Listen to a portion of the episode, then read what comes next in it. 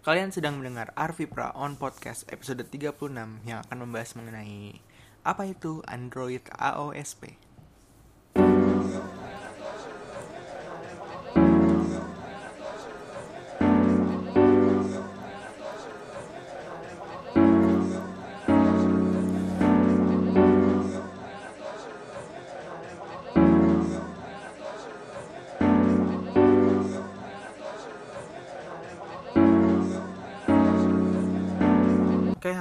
Apa kabar? Bagaimana mm, Senin kalian kemarin? Bagaimana weekend kalian kemarin? Ya semoga menyenangkan ya. Dan hope for the best. Eh, hope the best for your week. This week. Apaan sih? Nggak jelas tuh, Vi. Eh, sebenarnya gue pengen bi- mengucapkan terima kasih sebanyak-banyaknya yang sudah uh, join di Arvi Brown Podcast live streaming Sabtu kemarin. eh ya sesuai prediksi gue yang non- yang yang ikutan nggak lebih dari 10 orang. Total itu ada 4 eh unique IP-nya tuh ada 6 berarti ada ada dua orang yang sempet cabut gitu. Terus ada dua orang lagi masuk lagi. Jadi eh eh, ya tapi walaupun kayak gitu ya emang sebenarnya itu nggak apa ya eh, masih di atas ekspektasi gue sih. Gue eh, ekspektasi gue tuh kayak kayak ah, ini kayaknya nggak ada yang nggak ada yang nonton gitu kan. Terus kayak ya udah ini gue awalnya mau gue jadiin kalau misalnya nggak ada yang nonton ya gue awalnya gue mau langsung apa kayak ngambil ngambil suara buat eh, podcast Selasa besoknya gitu. Jadi Selasa besoknya gue nggak usah recording dan segala macam. Eh ternyata eh apa ya yang ikut banyak. Chatnya juga cukup aktif ya. Terutama karena ini sih karena ada apa ya katakanlah temen gue ada temen gue Fadil gitu kan dia eh gue aja nggak mengekspektasikan dia tiba untuk untuk nonton untuk datang gue nggak tahu. Dan tiba dia datang dia nonton terus kayak dia cukup eh, apa ya berkontribusi di chatnya gitu kan dan ya eh, thanks banget dia padahal gue itu itu jujur gue nggak minta loh gue nggak nggak. Itu bukan penonton bayaran. Kayak gitu loh. Eh, yang yang pasti eh ya gue seneng banget eh, apa namanya bisa ngadain live streaming kayak kayak kemarin. Cuman kalau misalkan ada yang kayak hmm, penasaran ya kalau misalnya penasaran ya kayak eh, eh, apa? Kira-kira kapan live streaming lagi? Kemarin gue nggak bisa ikutan gara-gara A B C D E F G H I J K L M N gitu kan. Eh gue mau nge-start kalau misalkan mung apa gue mungkin nggak akan kepikiran untuk bikin live streaming lagi sampai eh, ada sesuatu yang yang mengharuskan gue untuk live streaming gitu. Jadi apa ya gue gue sempat kepikiran kayak apa gue bikin sebulan sekali aja ya live streaming cuman kayak eh, effortnya terlalu terlalu tinggi terlalu besar effort effortnya terlalu besar. Dan kayak gue pengen kalau live streaming itu ya gue pengen itu jadi spesial aja gitu. Nggak kalau misalkan dijadwalin dan terlalu sering kayaknya nggak excitement di guanya juga cukup nggak nggak nggak tinggi tinggi banget gitu. Kayak gitu. Jadi kalau misalnya ada yang penasaran pengen ikutan live streaming lagi ya eh, stay tune terus di RB Brown Podcast yang bisa jadi besok kalau misalnya ternyata ada sesuatu hal yang em, memaksa gue untuk live streaming kayak gitu loh. Cuman eh, jeleknya kemarin sih ya sesuai yang gue prediksiin juga sih koneksi internet jadi sering banget DC. Cuman lebih baik dibandingkan pas waktu gue pakai internet si apa internet rumah gitu. Soalnya kemarin gue pakai internet modem wifi gitu dari XL karena eh, band apa bandwidth uploadnya itu lebih lebar. Gitu oke. Eh, nggak ada email yang masuk jadi langsung masuk ke berita. Eh ini kayaknya eh apa tayangnya eh rilisnya mungkin rada siangan. Kenapa? Soalnya kemarin tuh eh, ada event dari Google Android yang announce Android. Oh terus gue niatnya begadang eh taunya ketiduran dan gue baru bangun. Apa namanya? Tadi pagi gitu kan. Jadi sebenarnya kalau misalnya nggak ada event itu ya gue pengen gue bisa aja rekamannya tuh kemarin malam. Cuman karena ada event awalnya gue nungguin eh taunya gue ketiduran. Oke okay, uh, eh, berita pertama datang dari Square Enix yang Final Fantasy 15 versi PC akan rilis paling cepat itu awal tahun 2018 besok ya. Jadi uh, nanti tuh kira-kira si Final Fantasy 15 ini tuh versi apa ya versi Ultimate Editionnya gitu lah katanya. Uh, grafiknya lebih bagus terus uh, apa DLC DLC dari season passnya udah include include di situ gitu kan. Terus juga uh, settingannya juga pasti lebih banyak gitu kan. Soalnya katanya sih uh, menurut rumor si Final Final Fantasy 15 Windows Edition ini uh, dia akan menyediakan apa opsi resolusi sampai 4K sampai 8, 8K ya sampai 8K dengan apa namanya dengan fitur HDR juga gitu HDR nah uh, bocoran bocoran bocorannya itu si speknya itu si reco recommendednya ya ini recommendednya nih. Uh, recommendednya. Uh, VGA card GeForce 1080 Ti. Terus prosesornya Intel i7 dengan clock 3,4 GHz atau Ryzen 7 1700 RAM 16 GB dan uh, storage 170 GB anjir. Dan si spesifikasi ini itu uh, bukan rumor bukan apa sih. Jadi si spesifikasi si spesifikasi ini tuh ditulis di trailernya di YouTube gitu kan. Kan, kan kalau misalnya cek di YouTube ada uh, Final Fantasy 15 Windows Edition. Di situ di deskripsinya tuh di, dikasih tahu recommended speknya gue nggak ngerti nih apa namanya? Gila ini tinggi banget ya. Kira-kira minimumnya berapa ya? Harusnya sih kalau misalkan game sekelas PS4 dan segala macam sih uh, 96 GTX 960 atau GTX 950 juga harusnya sih bisa mainin dengan dengan kualitas seadanya cuman yang nggak tahu juga uh, game ini nanti si Final, Fantasy 15 ini nanti akan dirilis di Windows uh, melalui apa namanya melalui distribusi Origin, Steam dan Windows Store gitu kan. Jadi uh, kalian kalau misalkan yang apa namanya uh, anak EA banget belinya bisa di Origin. Kalau misalkan kalian anak Steam banget kalian bisa beli di Steam. Kalau misalkan kalian setia sama Windows Store kalian bisa beli di Windows Store seperti itu. Uh, Oke. Okay.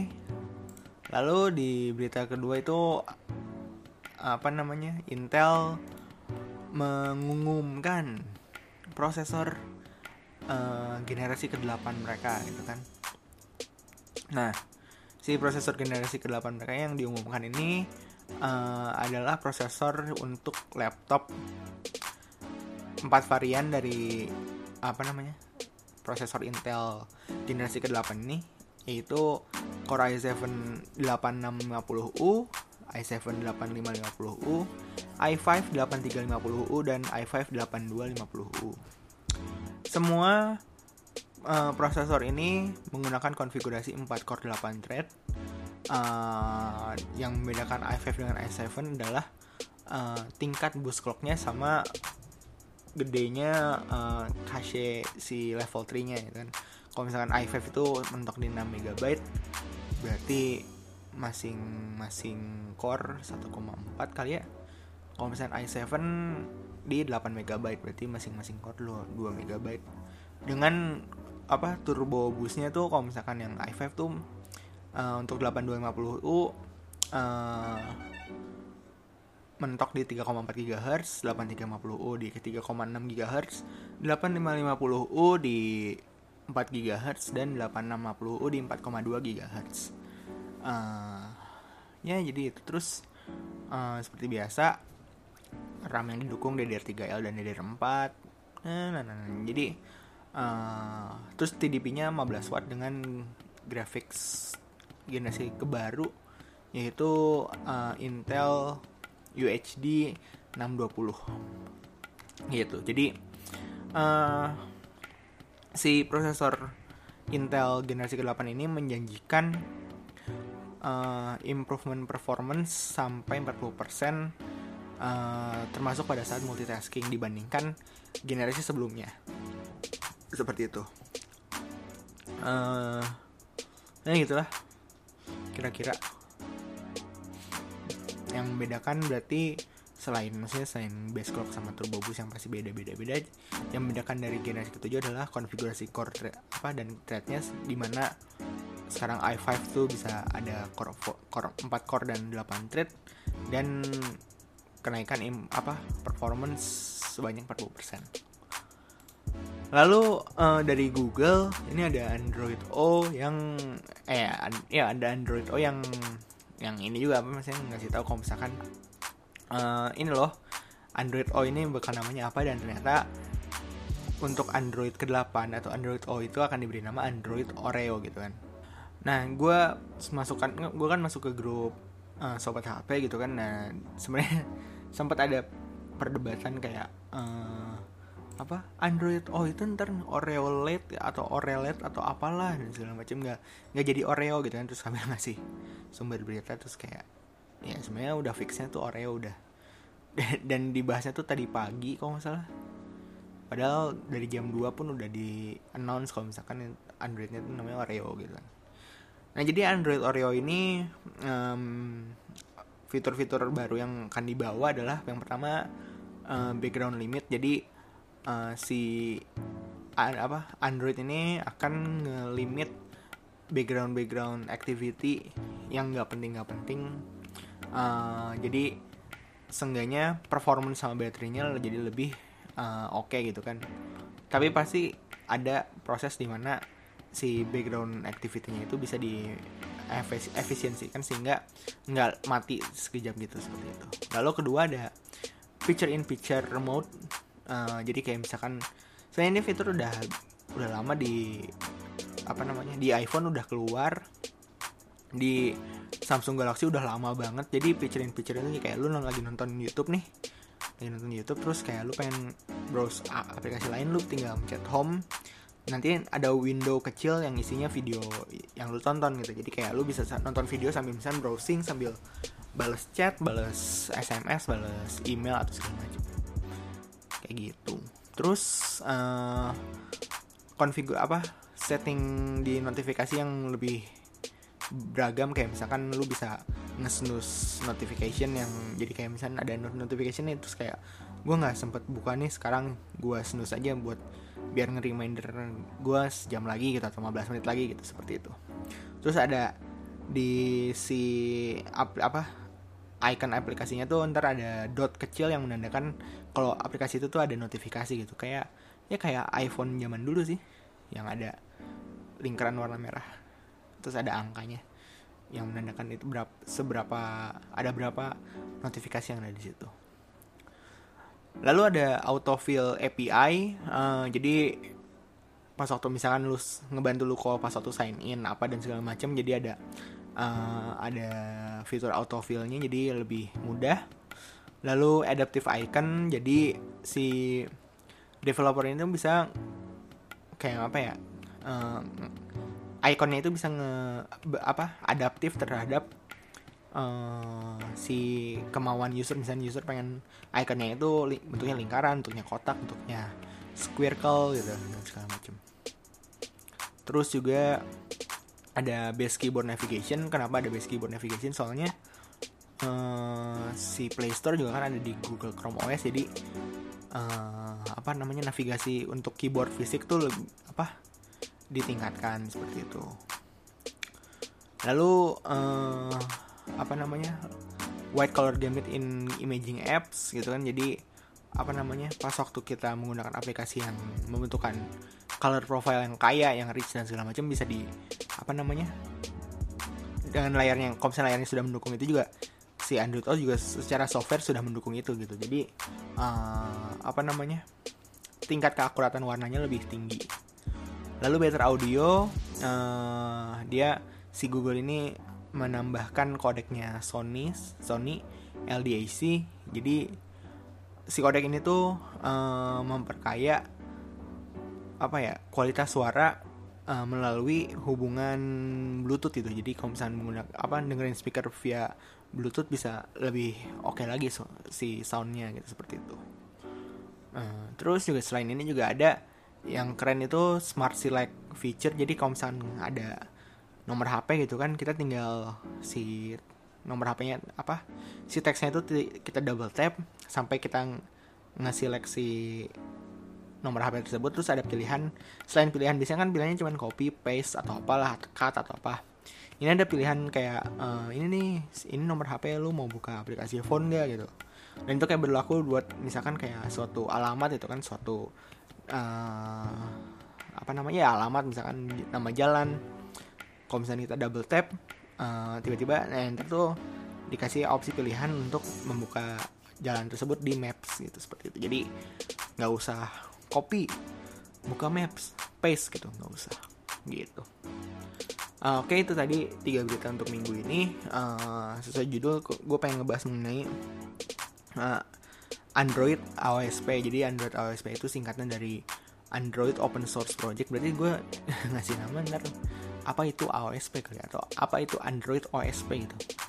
Kan gampang lah itu. Jadi uh, ini sempat gue bahas waktu live streaming kemarin gitu kan. Uh, dan merupakan bahasan yang cukup alot juga pas waktu live streaming kemarin. Jadi uh, Android OSP itu mudahnya itu kayak gini. Jadi kan Android itu kan dari Google kan. Nah berarti si Google ini memiliki versi Android versi dianya sendiri nah pada saat dia mengirim apa namanya ada manufaktur lain atau brand lain yang meng ingin menggunakan OS Google, uh, OS Android, nah, si Google ngasih nih ini, ini dasarnya ini nih. Kalau lu mau customisasi boleh. Lalu si brand tersebut nge-customisasi OS-nya sesuai dengan kemauan dia atau sesuai dengan apa namanya image-nya dia dan uh, apa brandnya dia gitu. Kayak misalnya Samsung bikin TouchWiz UX eh TouchWiz ya TouchWiz UX atau UI lah atau Grace UX gitu kan. Di mana uh, si apa namanya banyak yang diubah kayak apa namanya palette warnanya gitu kan. Terus font terus apa dan segala macam gitu kan. Jadi uh, terus juga misalkan berlaku juga ke HP HP lain kayak misalnya Oppo Xiaomi dengan MIUI terus uh, eh, HTC dengan Sense UI terus LG juga gue lupa namanya nama UI-nya apa cuman ya itu tadi apa rata-rata smartphone yang di smartphone Android yang udah dipegang sama brand-brand tertentu itu dia udah ngekustomisasi si software Androidnya supaya uh, apa namanya selaras sama brand yang ingin dia jual, ingin dia pakai dan segala macam gitu loh, seperti itu. Nah, Android OSP ini adalah Android yang dari Google-nya langsung yang tanpa modifikasi, kustomisasi dan segala macamnya. Jadi ya pure Android aja gitu. Jadi dia nggak ada apa namanya aplikasi-aplikasi tambahan kayak S-Help, kayak misalkan kalau misalnya di Lenovo tuh ada Share It, ada Clone It, kalau di Asus tuh ada uh, apalah ada aplikasi-aplikasi bawaan yang sebenarnya nggak penting-penting banget gitu atau misalnya katakanlah cuman gimmick. Kayak gitu. Nah uh, terus kalau misalkan kayak gitu apa namanya? Apa bedanya? Uh, sama si Android yang udah dimodifikasi ya? Bedanya jelas uh, pemanfaatan storage nih. Pemanfaatan storage Android yang apa namanya? Uh, dimodifikasi sama brand-brand yang udah dimodifikasi sama brand-brand untuk smartphone brandnya kayak misalnya Samsung dan lain-lain itu pasti membutuhkan storage yang lebih besar dibandingkan Android yang core-nya doang. Soalnya uh, apa kan logikanya gini aja kan kayak si Samsung pakai core-nya terus ditambah-tambahin sesuatu pasti dengan ditambah-tambahin pasti lebih besar dong. Di mana di walaupun ditambah-tambahin tuh masih ada aplikasi-aplikasi yang disematkan sama Google kayak misalkan Google Chrome, uh, Google Photos gitu kan atau Google Plus atau aplikasi Google Search-nya sendiri dan segala macam gitu. Jadi selain itu ditambahin lagi, ditambahin Bixby, ditambahin um, apa Flipboard, magazine, ditambahin apa kalendernya jadi S planner gitu kan uh, dan segala macamnya kayak gitu seperti itu. Jadi uh, membutuhkan yang dimodifikasi rata-rata membutuhkan storage yang lebih besar dibandingkan Android yang dari Google-nya sendiri seperti itu. Lalu yang kedua itu juga penggunaan RAM karena ya dengan banyaknya aplikasi juga berarti kan RAM-nya juga kan kebeban juga kan secara nggak langsung seperti itu. Terus uh, yang apa namanya ya uh, keuntungan tapi kalau misalnya kayak gitu rugi banget dong kalau misalkan ternyata kita pakai Android yang udah dimodifikasi sama si brand-brand tersebut nah sebenarnya nggak juga jadi kadang-kadang ya ada beberapa fitur-fitur yang dijual sama si brand tersebut yang hanya disematkan pada HP tersebut. Kayak misalkan Samsung dia kan punya Bixby di mana smartphone yang lain nggak ada tuh yang namanya Bixby walaupun ada Google Assistant. Tapi ya katakanlah si Samsung nih pede sama si Bixby-nya gitu seperti itu.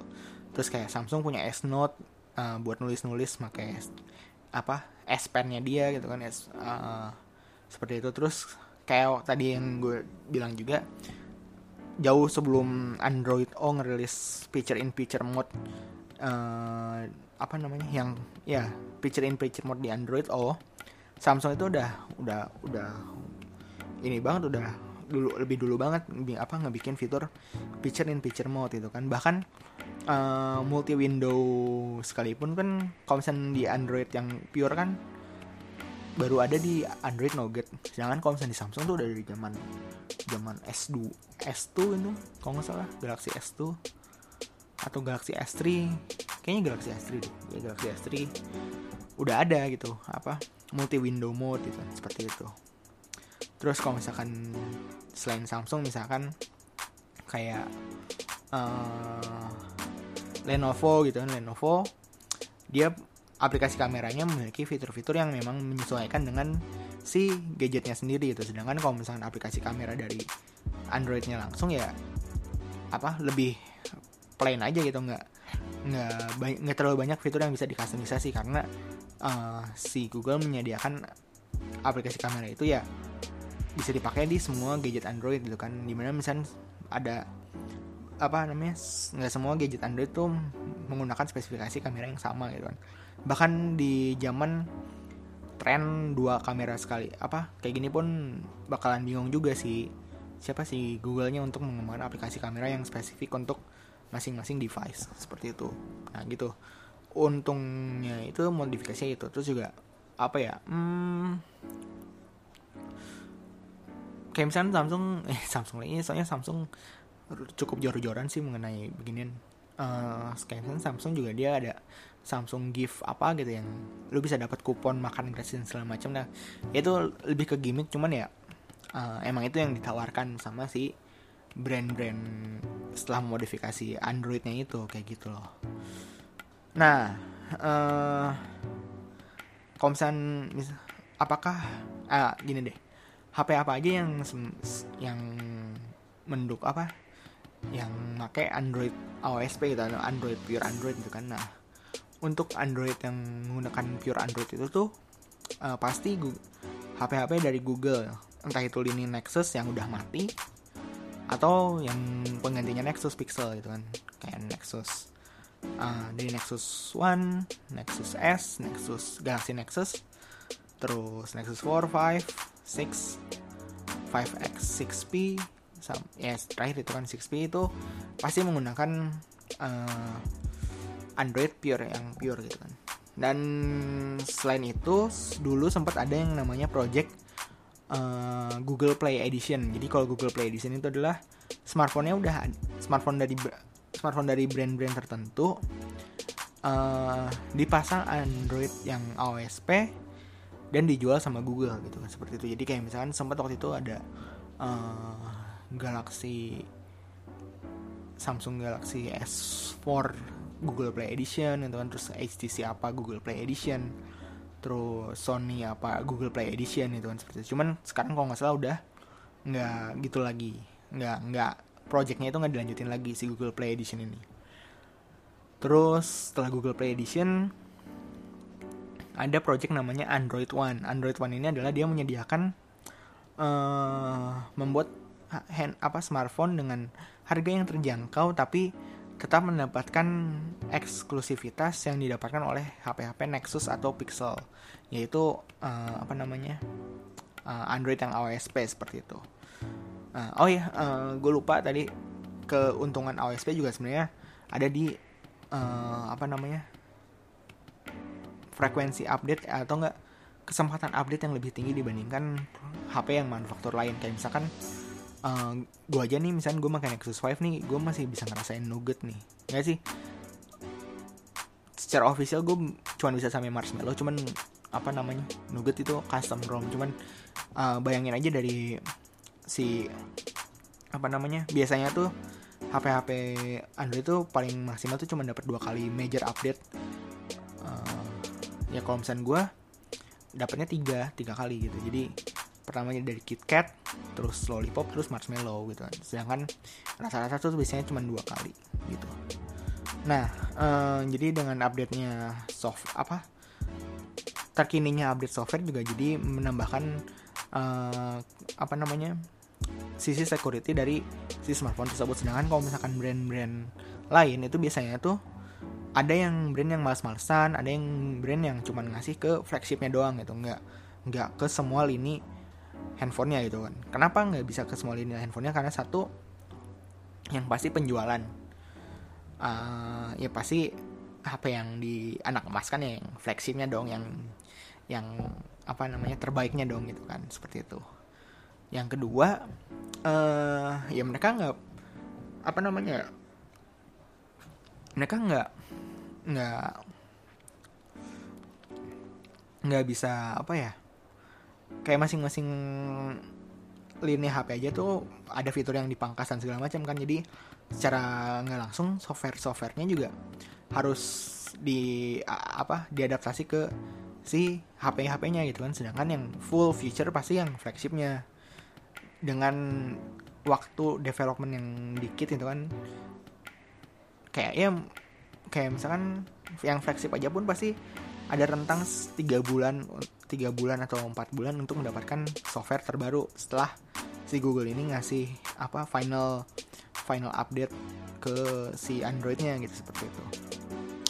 Makanya uh, apa uh, kalau misalnya kalian punya HP terus kayak masih stuck di Android yang lama ya sabar-sabar aja.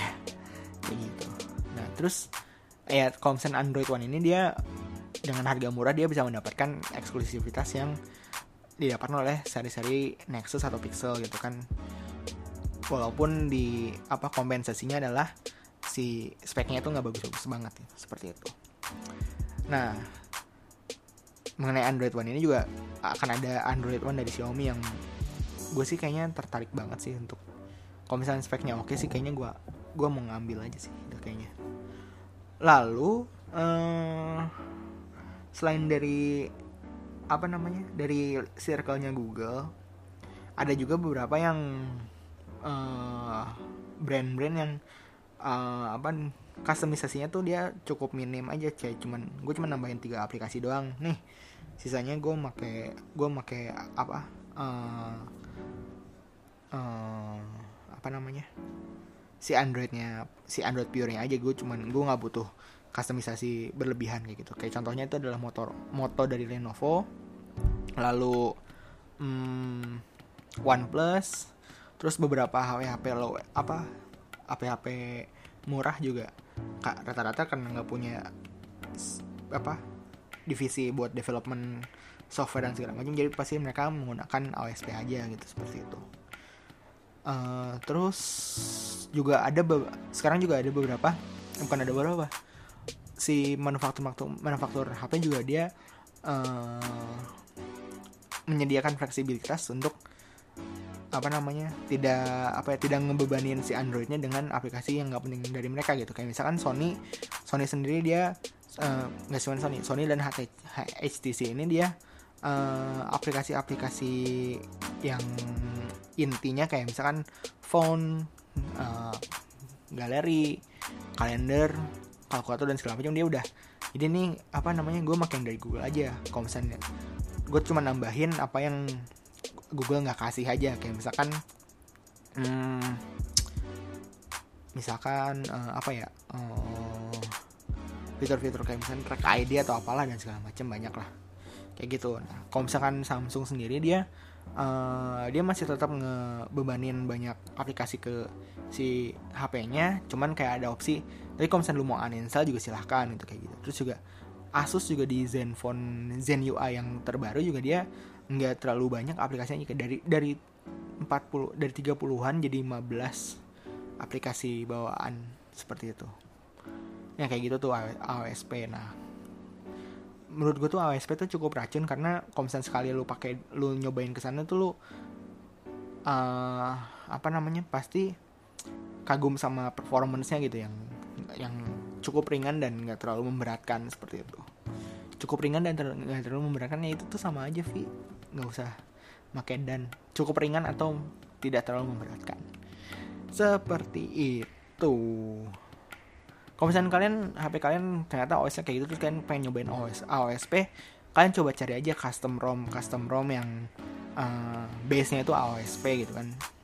Banyak lah tapi gue saran gue kasih tahu dari sekarang kalau misalkan atau disclaimer kalau resiko ya kalian tanggung sendiri kalau misalkan ternyata terjadi apa-apa sama HP kalian yang penting adalah ikutin baca tutorialnya ikutin tutorialnya dengan cermat dan jangan sampai ada skip yang terlewat kayak gitu sih Oke, udah 30 menit juga. Uh, thanks for listening. Uh, jadi apa ya? Hmm, ya semoga weekend eh semoga minggu ini kak minggu ini kalian diberikan yang terbaik, uh, diberikan dilancarkan segala urusannya dan segala macam. Terus apa lagi ya? Uh, jadi kayaknya jadi ya gue pakai anchor juga buat apa namanya um, nyisip nyisipin beberapa konten-konten kecil yang di luar dari teknologi gadget dan segala macam jadi kalau misalnya kalian apa namanya pengen ikutan pengen dapat akses langsung kan bisa install aplikasi Anchor terus follow aja atau subscribe atau favorite favorite uh, Arvi Brown podcast di Anchor. Oke, okay, uh, itu aja dari gue. Uh, temukan passion kalian dan jadi yang terbaik. Dadah.